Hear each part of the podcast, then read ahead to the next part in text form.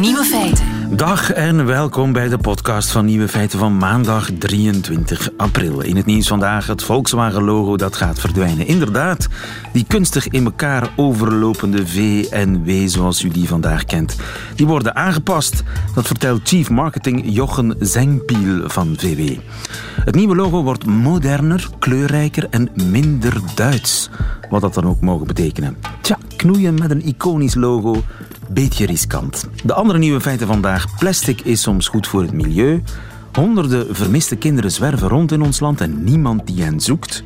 Een gazon is een groene woestijn. Alle Franse komieken zijn beïnvloed door de 30 jaar geleden overleden Pierre Desproges. En het middagjournaal komt van Jovan Castiel. Veel plezier ermee. Nieuwe feiten. Heeft u dit weekend uw gazon afgereden? Denk dan niet dat ik trots ben op u, want ik vind dat heel spijtig. Tenminste, ik vind dat niet. Louis de Jager vindt dat. Goedemiddag, Louis. Hallo, goedemiddag. Oei, Louis, je klinkt heel erg luid. Daar proberen we nog iets aan te doen. Uh, Louis, jij bent de tuinconsultant. Is dat ook al een beroep tegenwoordig? Dat is inderdaad een beroep. Dat klopt. En dus uh, jij maakt zelf je handen niet vuil. Je zegt hoe mensen het moeten doen. Inderdaad, dat klopt. En uh, je bent tegen een gazon, begrijp ik. Uh, ik ben tegen een gazon, dat klopt. Uh, maar niet helemaal. Um, gazon heeft heel veel toffe functies. Je kan er op barbecuen, op voetballen, op liggen vrij met je lief. Maar um, uh, wij Belgen wij overdrijven eigenlijk gewoon enorm daarmee. Um, ja, iedere centimeter tuin dat wij hebben, gaan wij gazon leggen. Um, liefst dan nog zonder onkruid ertussen, waardoor we heel veel pesticiden spuiten, meststoffen moeten toevoegen. Het is eigenlijk een heel onnatuurlijke staat van Je zijn. noemt het een groene woestijn, Louis. Ja, dat klopt. Um, wel, in ons klimaat is een gras eigenlijk zeer onnatuurlijk. Gras, uh, natuurlijk gras komt eigenlijk enkel voor in steppes, pampas of savannes. Maar uh, bij ons, we hebben een natuurlijke successie in deze natuur van, uh, van ons klimaat, waarbij dat grasveld automatisch een bos wil worden. En um, wij eigenlijk constant... Dat is een natuurwet. Gras wil bos worden. Ja, bij ons, ja. En dus is eigenlijk een, een, een, een, een gemillimeterd grastapijtje zonder een spatje onkruid, dat is eigenlijk zo gigantisch tegen natuurlijk dat je het een groene woestijn noemt. Maar wat is ja. voor jou dan het ideale alternatief? Wel, het ideale alternatief, uh, ik zou sowieso een stukje grasveld laten. Uh, ik heb er niks op tegen, maar ik zou het merendeel, als je dan toch uh, een vlakke ruimte wil vervangen door een bloemenweide, want dan heb je het jaar door een, een, een visuele kleurensymfonie die nuttige bijen aantrekt. En ja, het is gewoon prachtig om naartoe te kijken. Maar kan ik daar op barbecuen, Louis? Uh, in principe kan dat, maar uh, ja, daarvoor heb je het stukje grasveld nog gelaten dat je het liefst ook met een niet-elektrische of niet-gemotoriseerde uh, grasmaaier met de hand afdoet. Hij is veel sportiever, je moet dan niet aan je auto stappen om te gaan fitnessen. Dus jij wil mij een zeis aansmeren? Nee, geen zeis. Je hebt zo van die... Ja, like hoe ze dat vroeger deden, hè, maar van die... Uh, Och nee, maar dat is echt... Ja, met tong op de grond, zo... Ugh, duwen, duwen. Maar ja, het is goed. Is goedkoper aan een fitnessabonnement. Hè? En het is, uh, je zit in een toffere omgeving, het stinkt niet zo naar het zweet. Hè? Ja, maar ik had vroeger een buurman en die reed elke dag zijn gras af. Hè? Elke ja, dat dag. is ziekelijk. Hè? We leven in een maatschappij waarin dat obsessive-compulsive disorder een beetje de norm aan het worden is. Iedereen wil iedereen op de vinger stikken om toch niets van onkruid te laten staan. Dat is een beetje verkeerde conditionering. En ik hoop persoonlijk um, ja, daar wat verandering in te brengen, dat de mensen ja, ook in het leven zelf wat meer openstaan voor variatie, voor ja. lichte chaos. Uh, ja, dat is gewoon veel avontuurlijker. Maar goed, ja, ik stel, ik heb vijf kinderen. Zo'n bloemenweide, daar kunnen die niet in spelen. Ik wil toch een grasveld, maar ik ga niet inderdaad uh, elke dag mijn gras afrijden. Of ik, kan ik het, wat is de, als ik dan toch ga voor het compromis, oké, okay, een grasveld. Ik, wat ik vroeger deed, ik reed er een pad in af. Zo'n zo, soort slingerpaadje. Ja, maar eerst vooral wat je zegt, kinderen die kunnen veel toffer spelen in, uh, in een bloemenweide. Het is veel avontuurlijker, je kan erin verstoppen. Ja, het biedt gewoon een extra dimensie eraan. En als je dan toch het gras wil doen, dan is het eigenlijk de truc om het zo lang mogelijk te laten. Dus die grasmachine op de hoogste stand zetten, als je dat kan. Ja. En het gras dan ook laten liggen. Eerst vooral, je gaat niet zoveel moeten afdoen. En doordat het zo groot blijft, het gras, kan er geen onkruid tussen groeien. En doordat je een beetje gras laat liggen, hoef je er ook geen meststoffen toe te voegen, want telkens als je het gras wegneemt, dan maak je de grond armer en armer, waardoor dat je dan kale plekken krijgt en zo. Dus hoe langer het Maar, gras, ehm, hoe minder kans op onkruid. Ja, inderdaad. Ja, wel afgereden, hè? Ja, ja. maar gewoon op de hoogste stand. Op de hoogste stand afrijden en het gras gewoon laten liggen. Ja. Dus niet daar iedere keer mee naar achter ja, banjeren om dan op een, op een hoop te gooien. En, Hoe en- irritant is dat niet, hè? ja, ja, dat is irritant. Maar ja, de, eh, mijn buurman zal dat dan vreselijk vinden natuurlijk. Hè? Die, die, die, ja, die lange Wel, rijen dan- vies gras. Dan, nood, dan nodig ik... Wel, zo, zo vies, ik heb gisteren zo afgereden en moet zeggen, ik zie bijna niets van gras liggen. Maar indien je buurman er iets op tegen zou hebben, zou ik zeggen, nodig hem uit om eens een kopje koffie te drinken bij je. En leg hem uit hoeveel voordelen dat heeft om, eh, om het gras zo te doen. Ik was toevallig vorige week in Brussel en ik zag ook het kasteel of het paleis van Laken. En bij de koning ook. Het is allemaal puur gras. Maar hij zou bijvoorbeeld een mooi voorbeeld kunnen geven om eh, niet, niet per se alles te doen, maar toch een deel daar gewoon een bloemenweide van te maken. Misschien zelf in de Belgische kleuren, ik weet het niet. dus maar, dit is een oproep aan het adres van de koning. dat mag zeker. Eh, het- de paleispelouse moet anders. Ja, liefst. Dat is een mooi voorbeeld. hè. Als de koning het voordoet. Dat is de koning van Marokko. Zijn vrouw draagt geen hoofddoek. Dat is ook een mooi voorbeeld voor, ehm, Ja, ja, voor daar. En wij kunnen net hetzelfde doen. ehm, koningen ja, kunnen ook een revolutie starten. Voilà, zeker en vast. Daarvoor dienen koningen toch, hè? Daarvoor dienen koningen. eh dankjewel, Louis de Jager. De gazonrevolutie is bij deze gestart. Goedemiddag. Nieuwe feiten. Coucou de France. Met Alex Visorek. En ja, het is weer maandag en dan heb ik afspraak met onze man in Parijs. Dat is onze landgenoot en radioster in Frankrijk, Alex Visorek. Goedemiddag, Alex. Goedemiddag, lieven. En cette semaine een hommage. Oh. Deze week ja, zal ik het hebben over een Fransman die precies 30 jaar geleden overleden is en nog steeds gemist wordt. Zijn naam is Pierre Desproges. Pierre Desproges. Wie is... Sorry, ik, ik heb daar nog nooit van gehoord. Is dat een... Dat is een schande natuurlijk. Eh, nee, misschien niet in Vlaanderen, maar in Frankrijk ja. Het is een humorist die een mythe is geworden. Eh, stel maar de vraag aan om het even welke Franse humorist vandaag eh, zijn of haar idool zal Pierre Desproges en misschien ook Coluche zijn. De, Die ken ik wel. de- de- ah, voilà. Dus, dus het is dezelfde generatie. Een nieuwe comedie.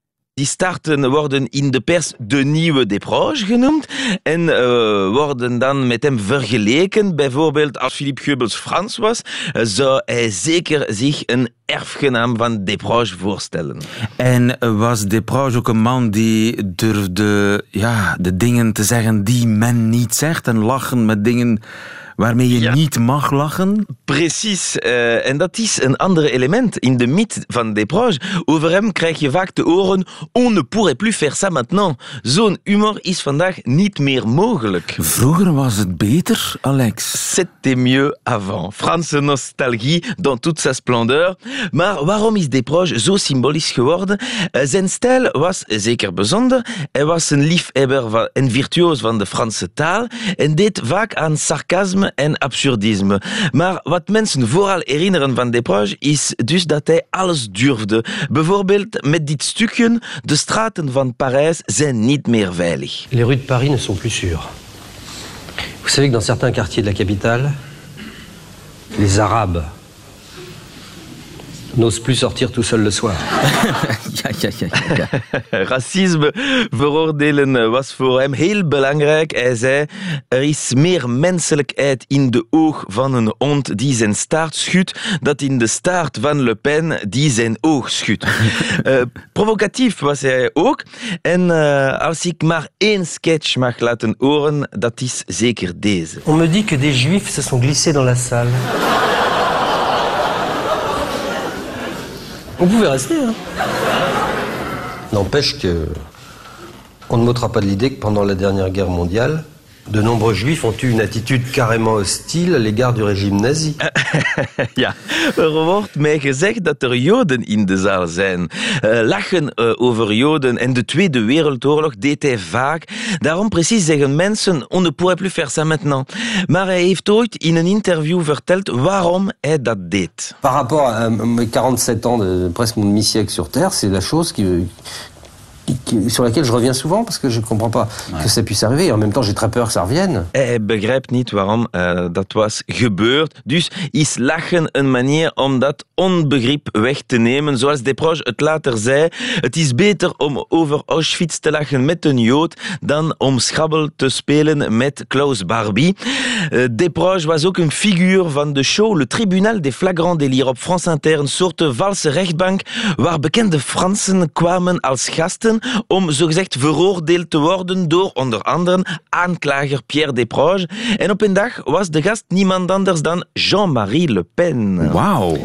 Ja, ja, ja. En dus, uh, uh, moest hij Le Pen laten lachen? Was dat de opdracht? Dat, dat was precies de vraag die hij stelde om zijn pleidooi te starten. Les questions qui me hantent sont celles-ci. Premièrement, peut-on rire de tout? Deuxièmement, peut-on rire avec tout le monde? Mogen we met ja. alles lachen? En zijn antwoord was ja, mogen we met iedereen lachen? En daar antwoordde hij uh, dat het moeilijk was. En Fransen kennen nu deze uitspraak uh, samengevat als on peut rire de tout, mais pas avec tout le monde. En dat is tegenwoordig het Desproges-punt. Als er een debat is over een grap die iets te droog was, komt er iemand en zegt on peut rire de tout, mais pas avec tout le monde. Wij mogen met alles lachen. En vooral over kanker. Moi, j'ai pas de cancer, j'en aurai jamais, je suis contre. Voilà, hij heeft geen kanker, hij is tegen. Dat was zijn laatste lievelingsthema, uitdrukking. Groene kerstmis, witte Pasen is in het Frans Noël au balcon, Pâques au tison. Hij herschreef het als Noël au scanner, Pâques au cimetière. hij bleef nogthans optimistisch. Hij zei, dankzij wetenschap kunnen we vandaag meer dan vijf jaar van onze kanker genieten. Ja, inderdaad, on peut rire de tout. Ja, maar niet met iedereen. En blijkbaar heeft Pietje de Dood weinig gevoel voor humor, want Pierre Desproges overleed 30 jaar geleden aan kanker aan toch een niet? kanker. Ah, ja, ja, zeker voilà. en vast. En hij wist het. Daar, daarvoor deed hij grapjes erover. Uh, en hij was nog geen 50 jaar oud. Uh, als je een hulde aan Desproges wilt geven, vind je hem nu in het begraafplein van Père Lachaise, twee graven verder dan Frédéric Chopin. En zijn geest vind je in alle huidige Franse humoristen. Ook in Alex Visorek? Ah, ik probeer een beetje. We zijn in een nostalgische, melancholieke bui, een uh, hommage aan uh, een grootheid van de Franse humor, Pierre Desproges. Ik ga hem opzoeken en ik ga, het, ja. ik, ik ga er nog dagen van genieten. Dankjewel. Volgende week. Radio 1. Nieuwe feiten.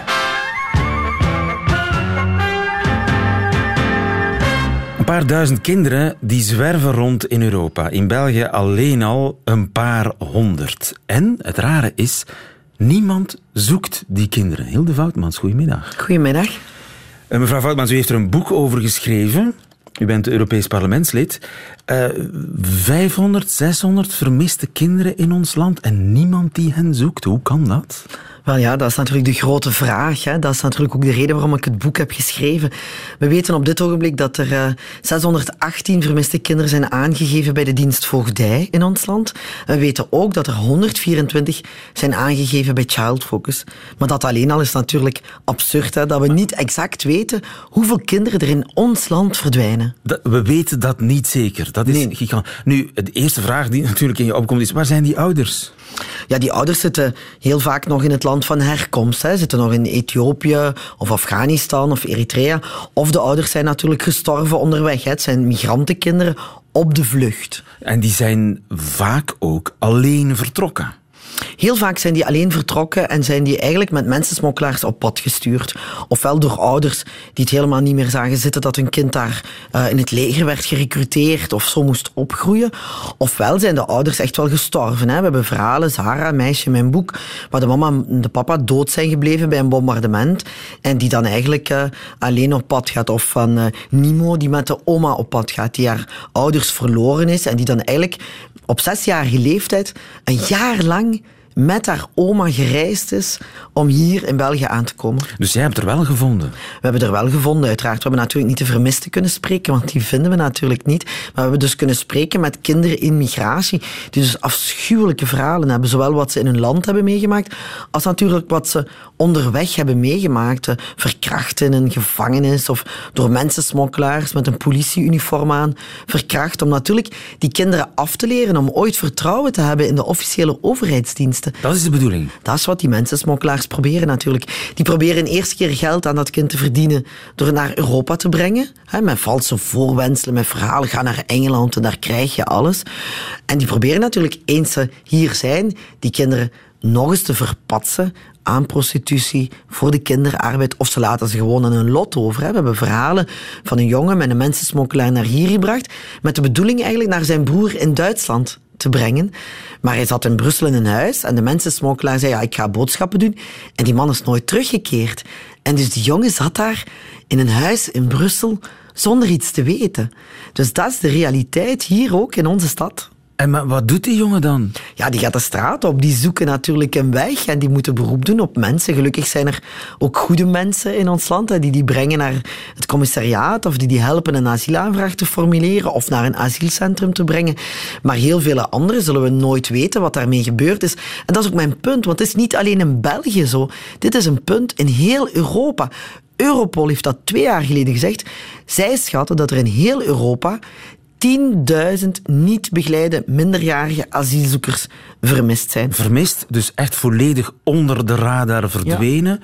Hoe ze leven, wie er voor hen kookt, hoe ze aan eten geraken, aan kleren, waar ze slapen. Nobody knows. Nobody knows. En dat is eigenlijk het erge. Eén vind ik dat we niet juist weten hoeveel kinderen er eigenlijk bij ons binnenkomen en hoeveel dat er bij ons vermist geraken. Dat is een eerste punt. Ik denk dat je toch moet in staat zijn als Europees land om kinderen te kunnen registreren.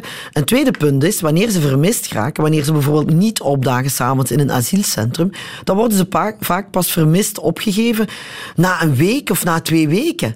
Ja, hoe moet je dan in godsnaam nog gaan zoeken, denk ik? Hè? Waar zijn die dan al naartoe op twee weken tijd? Maar ze vluchten dus weg uit asielcentra. Ja, inderdaad. Omdat ja, die mensensmokkelaars blijven eigenlijk vaak rond die centra zwermen. En die kinderen, ja, die kennen onze taal niet. Die weten eigenlijk niet, mag ik wel op die beroep doen? En dus ja, die worden vaak door die valse verhalen meegelokt. Of kinderen die hier in een asielcentrum zitten, waarvan familie in een ander Europees land zit. Maar dat duurt vreselijk lang voordat we die twee kunnen herenigen. Als jouw mama in Duitsland zit en jij zit hier en je hebt die al een half jaar niet gezien, dan wil je naar je mama en dan wil je mama ook jou zien. Maar alleen duurt die familiereunie dan zo lang ja, dat ze gewoon smokkelaars gaan inhuren om dat kind naar die mama te brengen. Ja, ja. dus ze hebben meer vertrouwen in, in een mensensmokkelaar dan in onze asielcentra en, en hun begeleiders. Helaas moeten we dat vaststellen. Dus daar denk ik dat we echt op moeten inzetten om dat vertrouwen van die kinderen te winnen. En heel veel centra zetten daar ook echt op in. Dus proberen bijvoorbeeld in zuidelijke landen zie je dat ze samen met dat kind de kleren gaan wassen die het kind aan heeft. Dat kind zal nooit vertrekken zonder die kleren, want dat is het enige wat ze nog hebben vanuit hun thuisland. Dus onze asielcentra zijn er eigenlijk niet, op, uh, niet tegen gewapend of niet voor uitgerust om speciaal iets voor kinderen te doen? Ze, doen? ze doen absoluut wel hun best, maar ik denk dat het zowel hier als in de andere Europese landen, dat we gewoon nog meer ons best moeten doen. Want als je er hebt dat je er altijd 124 zijn die verdwijnen, ja, dat is gewoon te veel. Dat mogen we niet toelaten als land. Dus dat is ook echt wel wat ik wil doen met dit boek. Bewustzijn Then. Creëren. Laten we daar wat meer aandacht op zetten. En laten we zorgen dat we ook foto's van die kinderen hebben. We hebben vaak ook geen foto van het kind om het te gaan zoeken. Dus laten we inzetten op een goede registratie, op een kindvriendelijke opvang, op snellere familieherinnering en natuurlijk cruciaal veel hardere aanpak van die mensensmokkelaars. Ja, want dat is natuurlijk het probleem. Als je die kinderen, laten we zeggen, wat meer opvangt en in de watten legt en begeleidt, ja, spelen dan niet in de kaart van die mensensmokkelaars? Ja, je moet die mensensmokkelaars wel de ruimte ontnemen dat dat kind een tweede keer kunnen meelokken natuurlijk om in de prostitutie te dumpen. En daar gaat het mee om. Mij gaat het erom dat als die kinderen hier op ons grondgebied zijn, dat we die toch moeten kunnen uit die handen van die smokkelaars houden. En is dat wat uh, u vermoedt? We zeggen, we weten niet precies wat er met die kinderen gebeurt, waar ze aan de kost komen, hoe ze leven. Prostitutie? Ook. Europol zegt heel duidelijk, ze belanden in de prostitutie, ze belanden in de kinderarbeid en zelfs er zijn geruchten, maar ik durf het bijna niet uitspreken, omdat ik daar natuurlijk de bewijzen niet van heb. Er zijn ook kinderen die men vermoedt dat gedood worden voor hun organen. Afschuwelijk, hè? Hier? Wel, niemand kan het zeggen, maar dat is zo'n gerucht wat altijd opnieuw naar boven komt. Van, je mag ook niet vergeten dat sommige kinderen het niet overleven. Commissaris Jurova hè, van Europa heeft het heel duidelijk verwoord in mijn boek. If they disappear, it's a ticket to hell. Als ze verdwijnen, is het gewoon met zekerheid een ticket naar de hel. En dat is eigenlijk de drijfveer om dit boek te maken. Om te zeggen, we moeten inzetten om de kinderen te beschermen. We moeten ze eigenlijk echt wel helpen. En dat is geen vrijbrief dat we ze allemaal hier moeten opvangen. Hè. We moeten gewoon zorgen dat je een korte procedure hebt. En als ze niet mogen blijven, ze ook terugsturen. Kunt u eigenlijk iets doen als parlementslid? Wel ja, we zijn uh, daar eigenlijk al heel lang mee bezig. En uh, nu uh, op 2 mei in het Europees Parlement in Brussel zullen wij een groot debat hebben in de plenaire vergadering met een resolutie waarin wij aan de Europese Commissie vragen om eigenlijk meer in te zetten op het beschermen van kinderen in migratie. Zowel dus tijdens de tocht als bij aankomst, kindvriendelijke opvang, aanduiden van voogden. Niet meer opsluiten in gevangenis, want ook dat gebeurt. Nog kinderen die ergens toekomen, hup, de gevangenis in. Terwijl een kind is een slachtoffer op dat ogenblik en geen dader. Geen enkel kind hoort op straat. Waar zijn ze? Het boek van uh, Hilde Voutemans verschijnt vandaag. Dankjewel voor uw komst. Graag gedaan.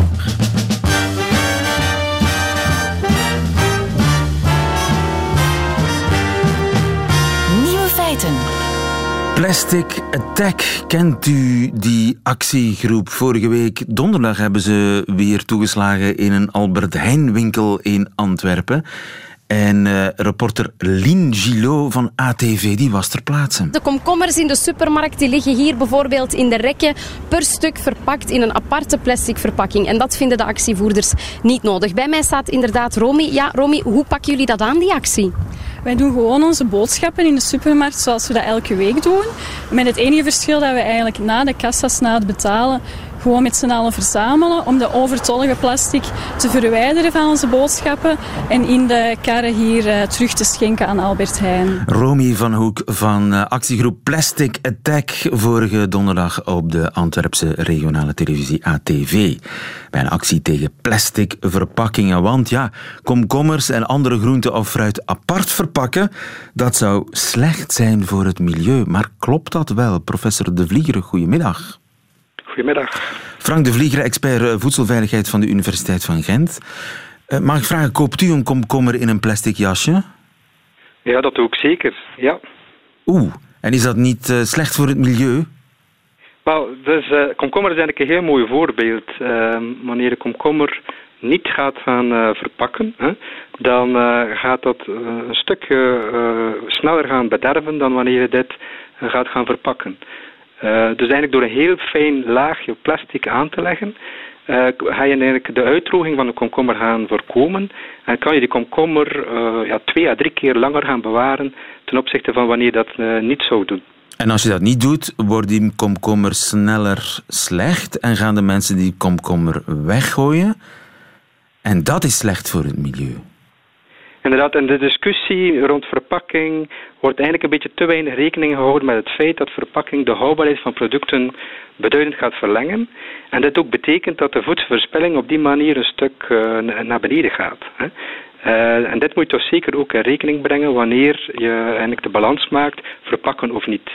En wat is nu het meest belastend voor het milieu? Voedselverspilling of plastic verpakking? Wel, men, men heeft daar uh, inderdaad berekeningen kunnen rond doen. En in de meeste gevallen, ik zou zeggen in 90% van de gevallen, is het zo dat de voedselverspilling beduidend een groter uh, impact heeft op het milieu dan uh, de verpakking. Want voedsel kweken belast het milieu. Voilà, hè. dus om, om voedsel uh, te produceren, uh, dat vraagt heel veel energie, veel water, grond enzovoort. Hè. Uh, en dit is dus zeer, zeer op zich belastend voor het milieu. Op het moment dat je dus voedsel gaat wegwerpen, dan ga je dus eigenlijk een zeer grote klimaatimpact of, of milieu-impact hebben. Ja. En dat beetje plastic, hè, want het gaat ook maar over enkele grammen ten opzichte van het totale gewicht van het, van het verpakte product, dit, dit heeft eigenlijk een veel minder impact dan, dan het voedsel dat, uh, dat weggeworpen wordt. Ik heb eigenlijk geen idee hoeveel eten ik per jaar weggooi. Zijn daar cijfers over? Ja, dat is echt gigantisch. Hè? Dus uh, men, men, heeft eigenlijk berekend dat ieder persoon uh, als consument ongeveer 30 kilo per jaar voedsel gaat gaan wegwerpen. 30 kilo? Ja, 30 kilo voor een gezin komt dat in feite neer op 75 kilo per gezin gemiddeld. Dus dat is eigenlijk gigantisch veel. Dat, dat, dat is, uh, de consument heeft een hele belangrijke rol in, in het proberen reduceren van die voedselverspilling. En dat kleine beetje plastic kan die berg voedsel beduidend kleiner maken, denkt u? Zeker en vast. Moesten we niet verpakken, dan zouden we veel meer voedsel uiteindelijk moeten Dan zal er nog veel meer voedsel worden weggegooid. Ja, ja, ja, inderdaad. Ja. Nu is het wel zo goed uh, dat, dat men moet gaan kijken om dus het verpakkingconcept dat gebruikt wordt uh, te gaan optimaliseren. Hè we gaan toch vaak eigenlijk een beetje te complex gaan verpakken, zodat verpakkingen moeilijker te recycleren zijn en daarom dat het milieu-impact eigenlijk nog wat te groot is ten opzichte van wat echt nodig is. Ja, ja er is dus wel degelijk ruimte voor verbetering. Ja, daar moeten we echt nog aan werken om te kijken per product, oké, wat is nu de meest optimale verpakking, wat is echt nodig hè, om het, eh, het, voedsel te gaan uh, kunnen langer bewaren uh, en dit op een zo eenvoudige of met zo'n eenvoudig mogelijk materiaal eigenlijk. Ja, ja want dus komkommers in zo'n plastic jasje, dat is dik in orde. Geldt het voor alle groenten? Moeten alle groenten en fruit in een soort apart, een banaan in een apart jasje? Uh, nee, uh, dus het, het, is in feite zo dat het zeer productafhankelijk is. Dus bananen, inderdaad, uh, die worden nu gewoon in een plastic zakje vaak wel bewaard, maar niet individueel, hè, in, in, in een tros. En dat is oké? Okay. En dat is wel oké. Okay. Alhoewel dat bananen op zich natuurlijk ook vrij snel gaan bederven. Maar het is heel moeilijk om, om een, een verpakking te ontwikkelen die ervoor zorgt dat dat, dat bederven van die banaan uh, vertraagd wordt. Ja. Dus je moet het eigenlijk per groente en per fruit eh, bekijken wat de meest efficiënte oplossing is. Ja, dat klopt inderdaad, ja. Dus er is uh, die plastic attack acties, die hebben dan wel of geen zin? Wel, ik denk dat het wel heel belangrijk is dat de consument uh, zich bewust is van, van het feit dat zoveel verpakking gebruikt wordt. En vooral omdat het belangrijk is dat ze die verpakking dan op de juiste manier gaan, uh, in de, gaan, recycleren. Hè. Um, daar ligt nog een heel belangrijke rol van de consument. Als je ziet gewoon op straat hoeveel, hoeveel verpakkingen of resten van verpakkingen er te vinden zijn, dit moet gereduceerd worden. Daar moeten we echt aan werken. En, en daarvoor vind ik die acties op zich wel nuttig. Maar plastic is soms zo slecht nog niet. Ja, inderdaad. Dat heeft uh, heel belangrijke voordelen. Dus je kunt niet zomaar zeggen, uh, we moeten uh, die verpakkingen eigenlijk niet meer gaan gebruiken. Dankjewel, professor De Vlieger. En ik ga zeker ook eens kijken naar het filmpje dat u gemaakt heeft voor de Universiteit van Vlaanderen, de Online Unie voor Iedereen. Dankjewel, goedemiddag. Goedemiddag. As bad as you. You use your words like they're weapons and shoot to kill. That's half the thrill. And I never aim at you. Veronica Maggio en 20 Questions. Wat ons uh, naadloos brengt bij het middagjournaal. En dat is deze week in handen van een Amerikaanse in West-Vlaanderen. Over dubbelbloed gesproken. Jovan Castiel. Nieuwe feiten. Middagjournaal. Je moet twee dingen weten over mij. Ik ben een veganist en ik haat aubergines. Mijn auberginehaat creëert veel problemen voor mij, want veel mensen associëren het woord vegan met het woord aubergine. Ik weet niet waarom. Misschien is het omdat aubergines paars en vreemd zijn. Ze zijn een freaky groente. En mensen vinden vegans freaky, dus denken ze dat freaky mensen freaky groenten nodig hebben. Dus als mensen een speciaal gerecht maken voor hun vegan gasten, dan is het bijna altijd iets met aubergines.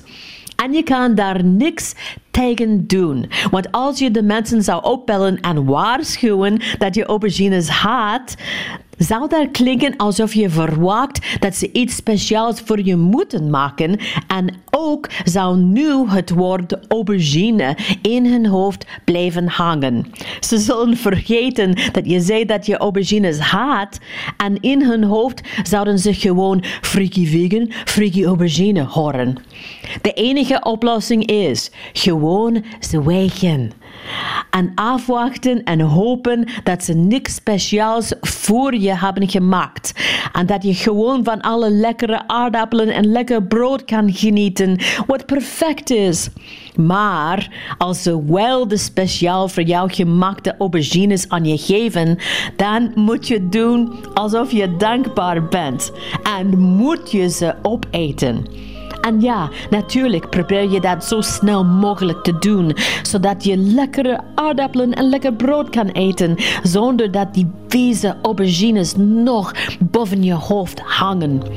Maar pas op, ooit at ik de smerige aubergines zo snel op dat ik direct hoorde: Wauw, Javanke, zijn de aubergines al op? Ik wist dat je ze lekker zou vinden. Kom, Geef je boord aan mij. Deze keer geef ik je drie keer zoveel. Smakelijk.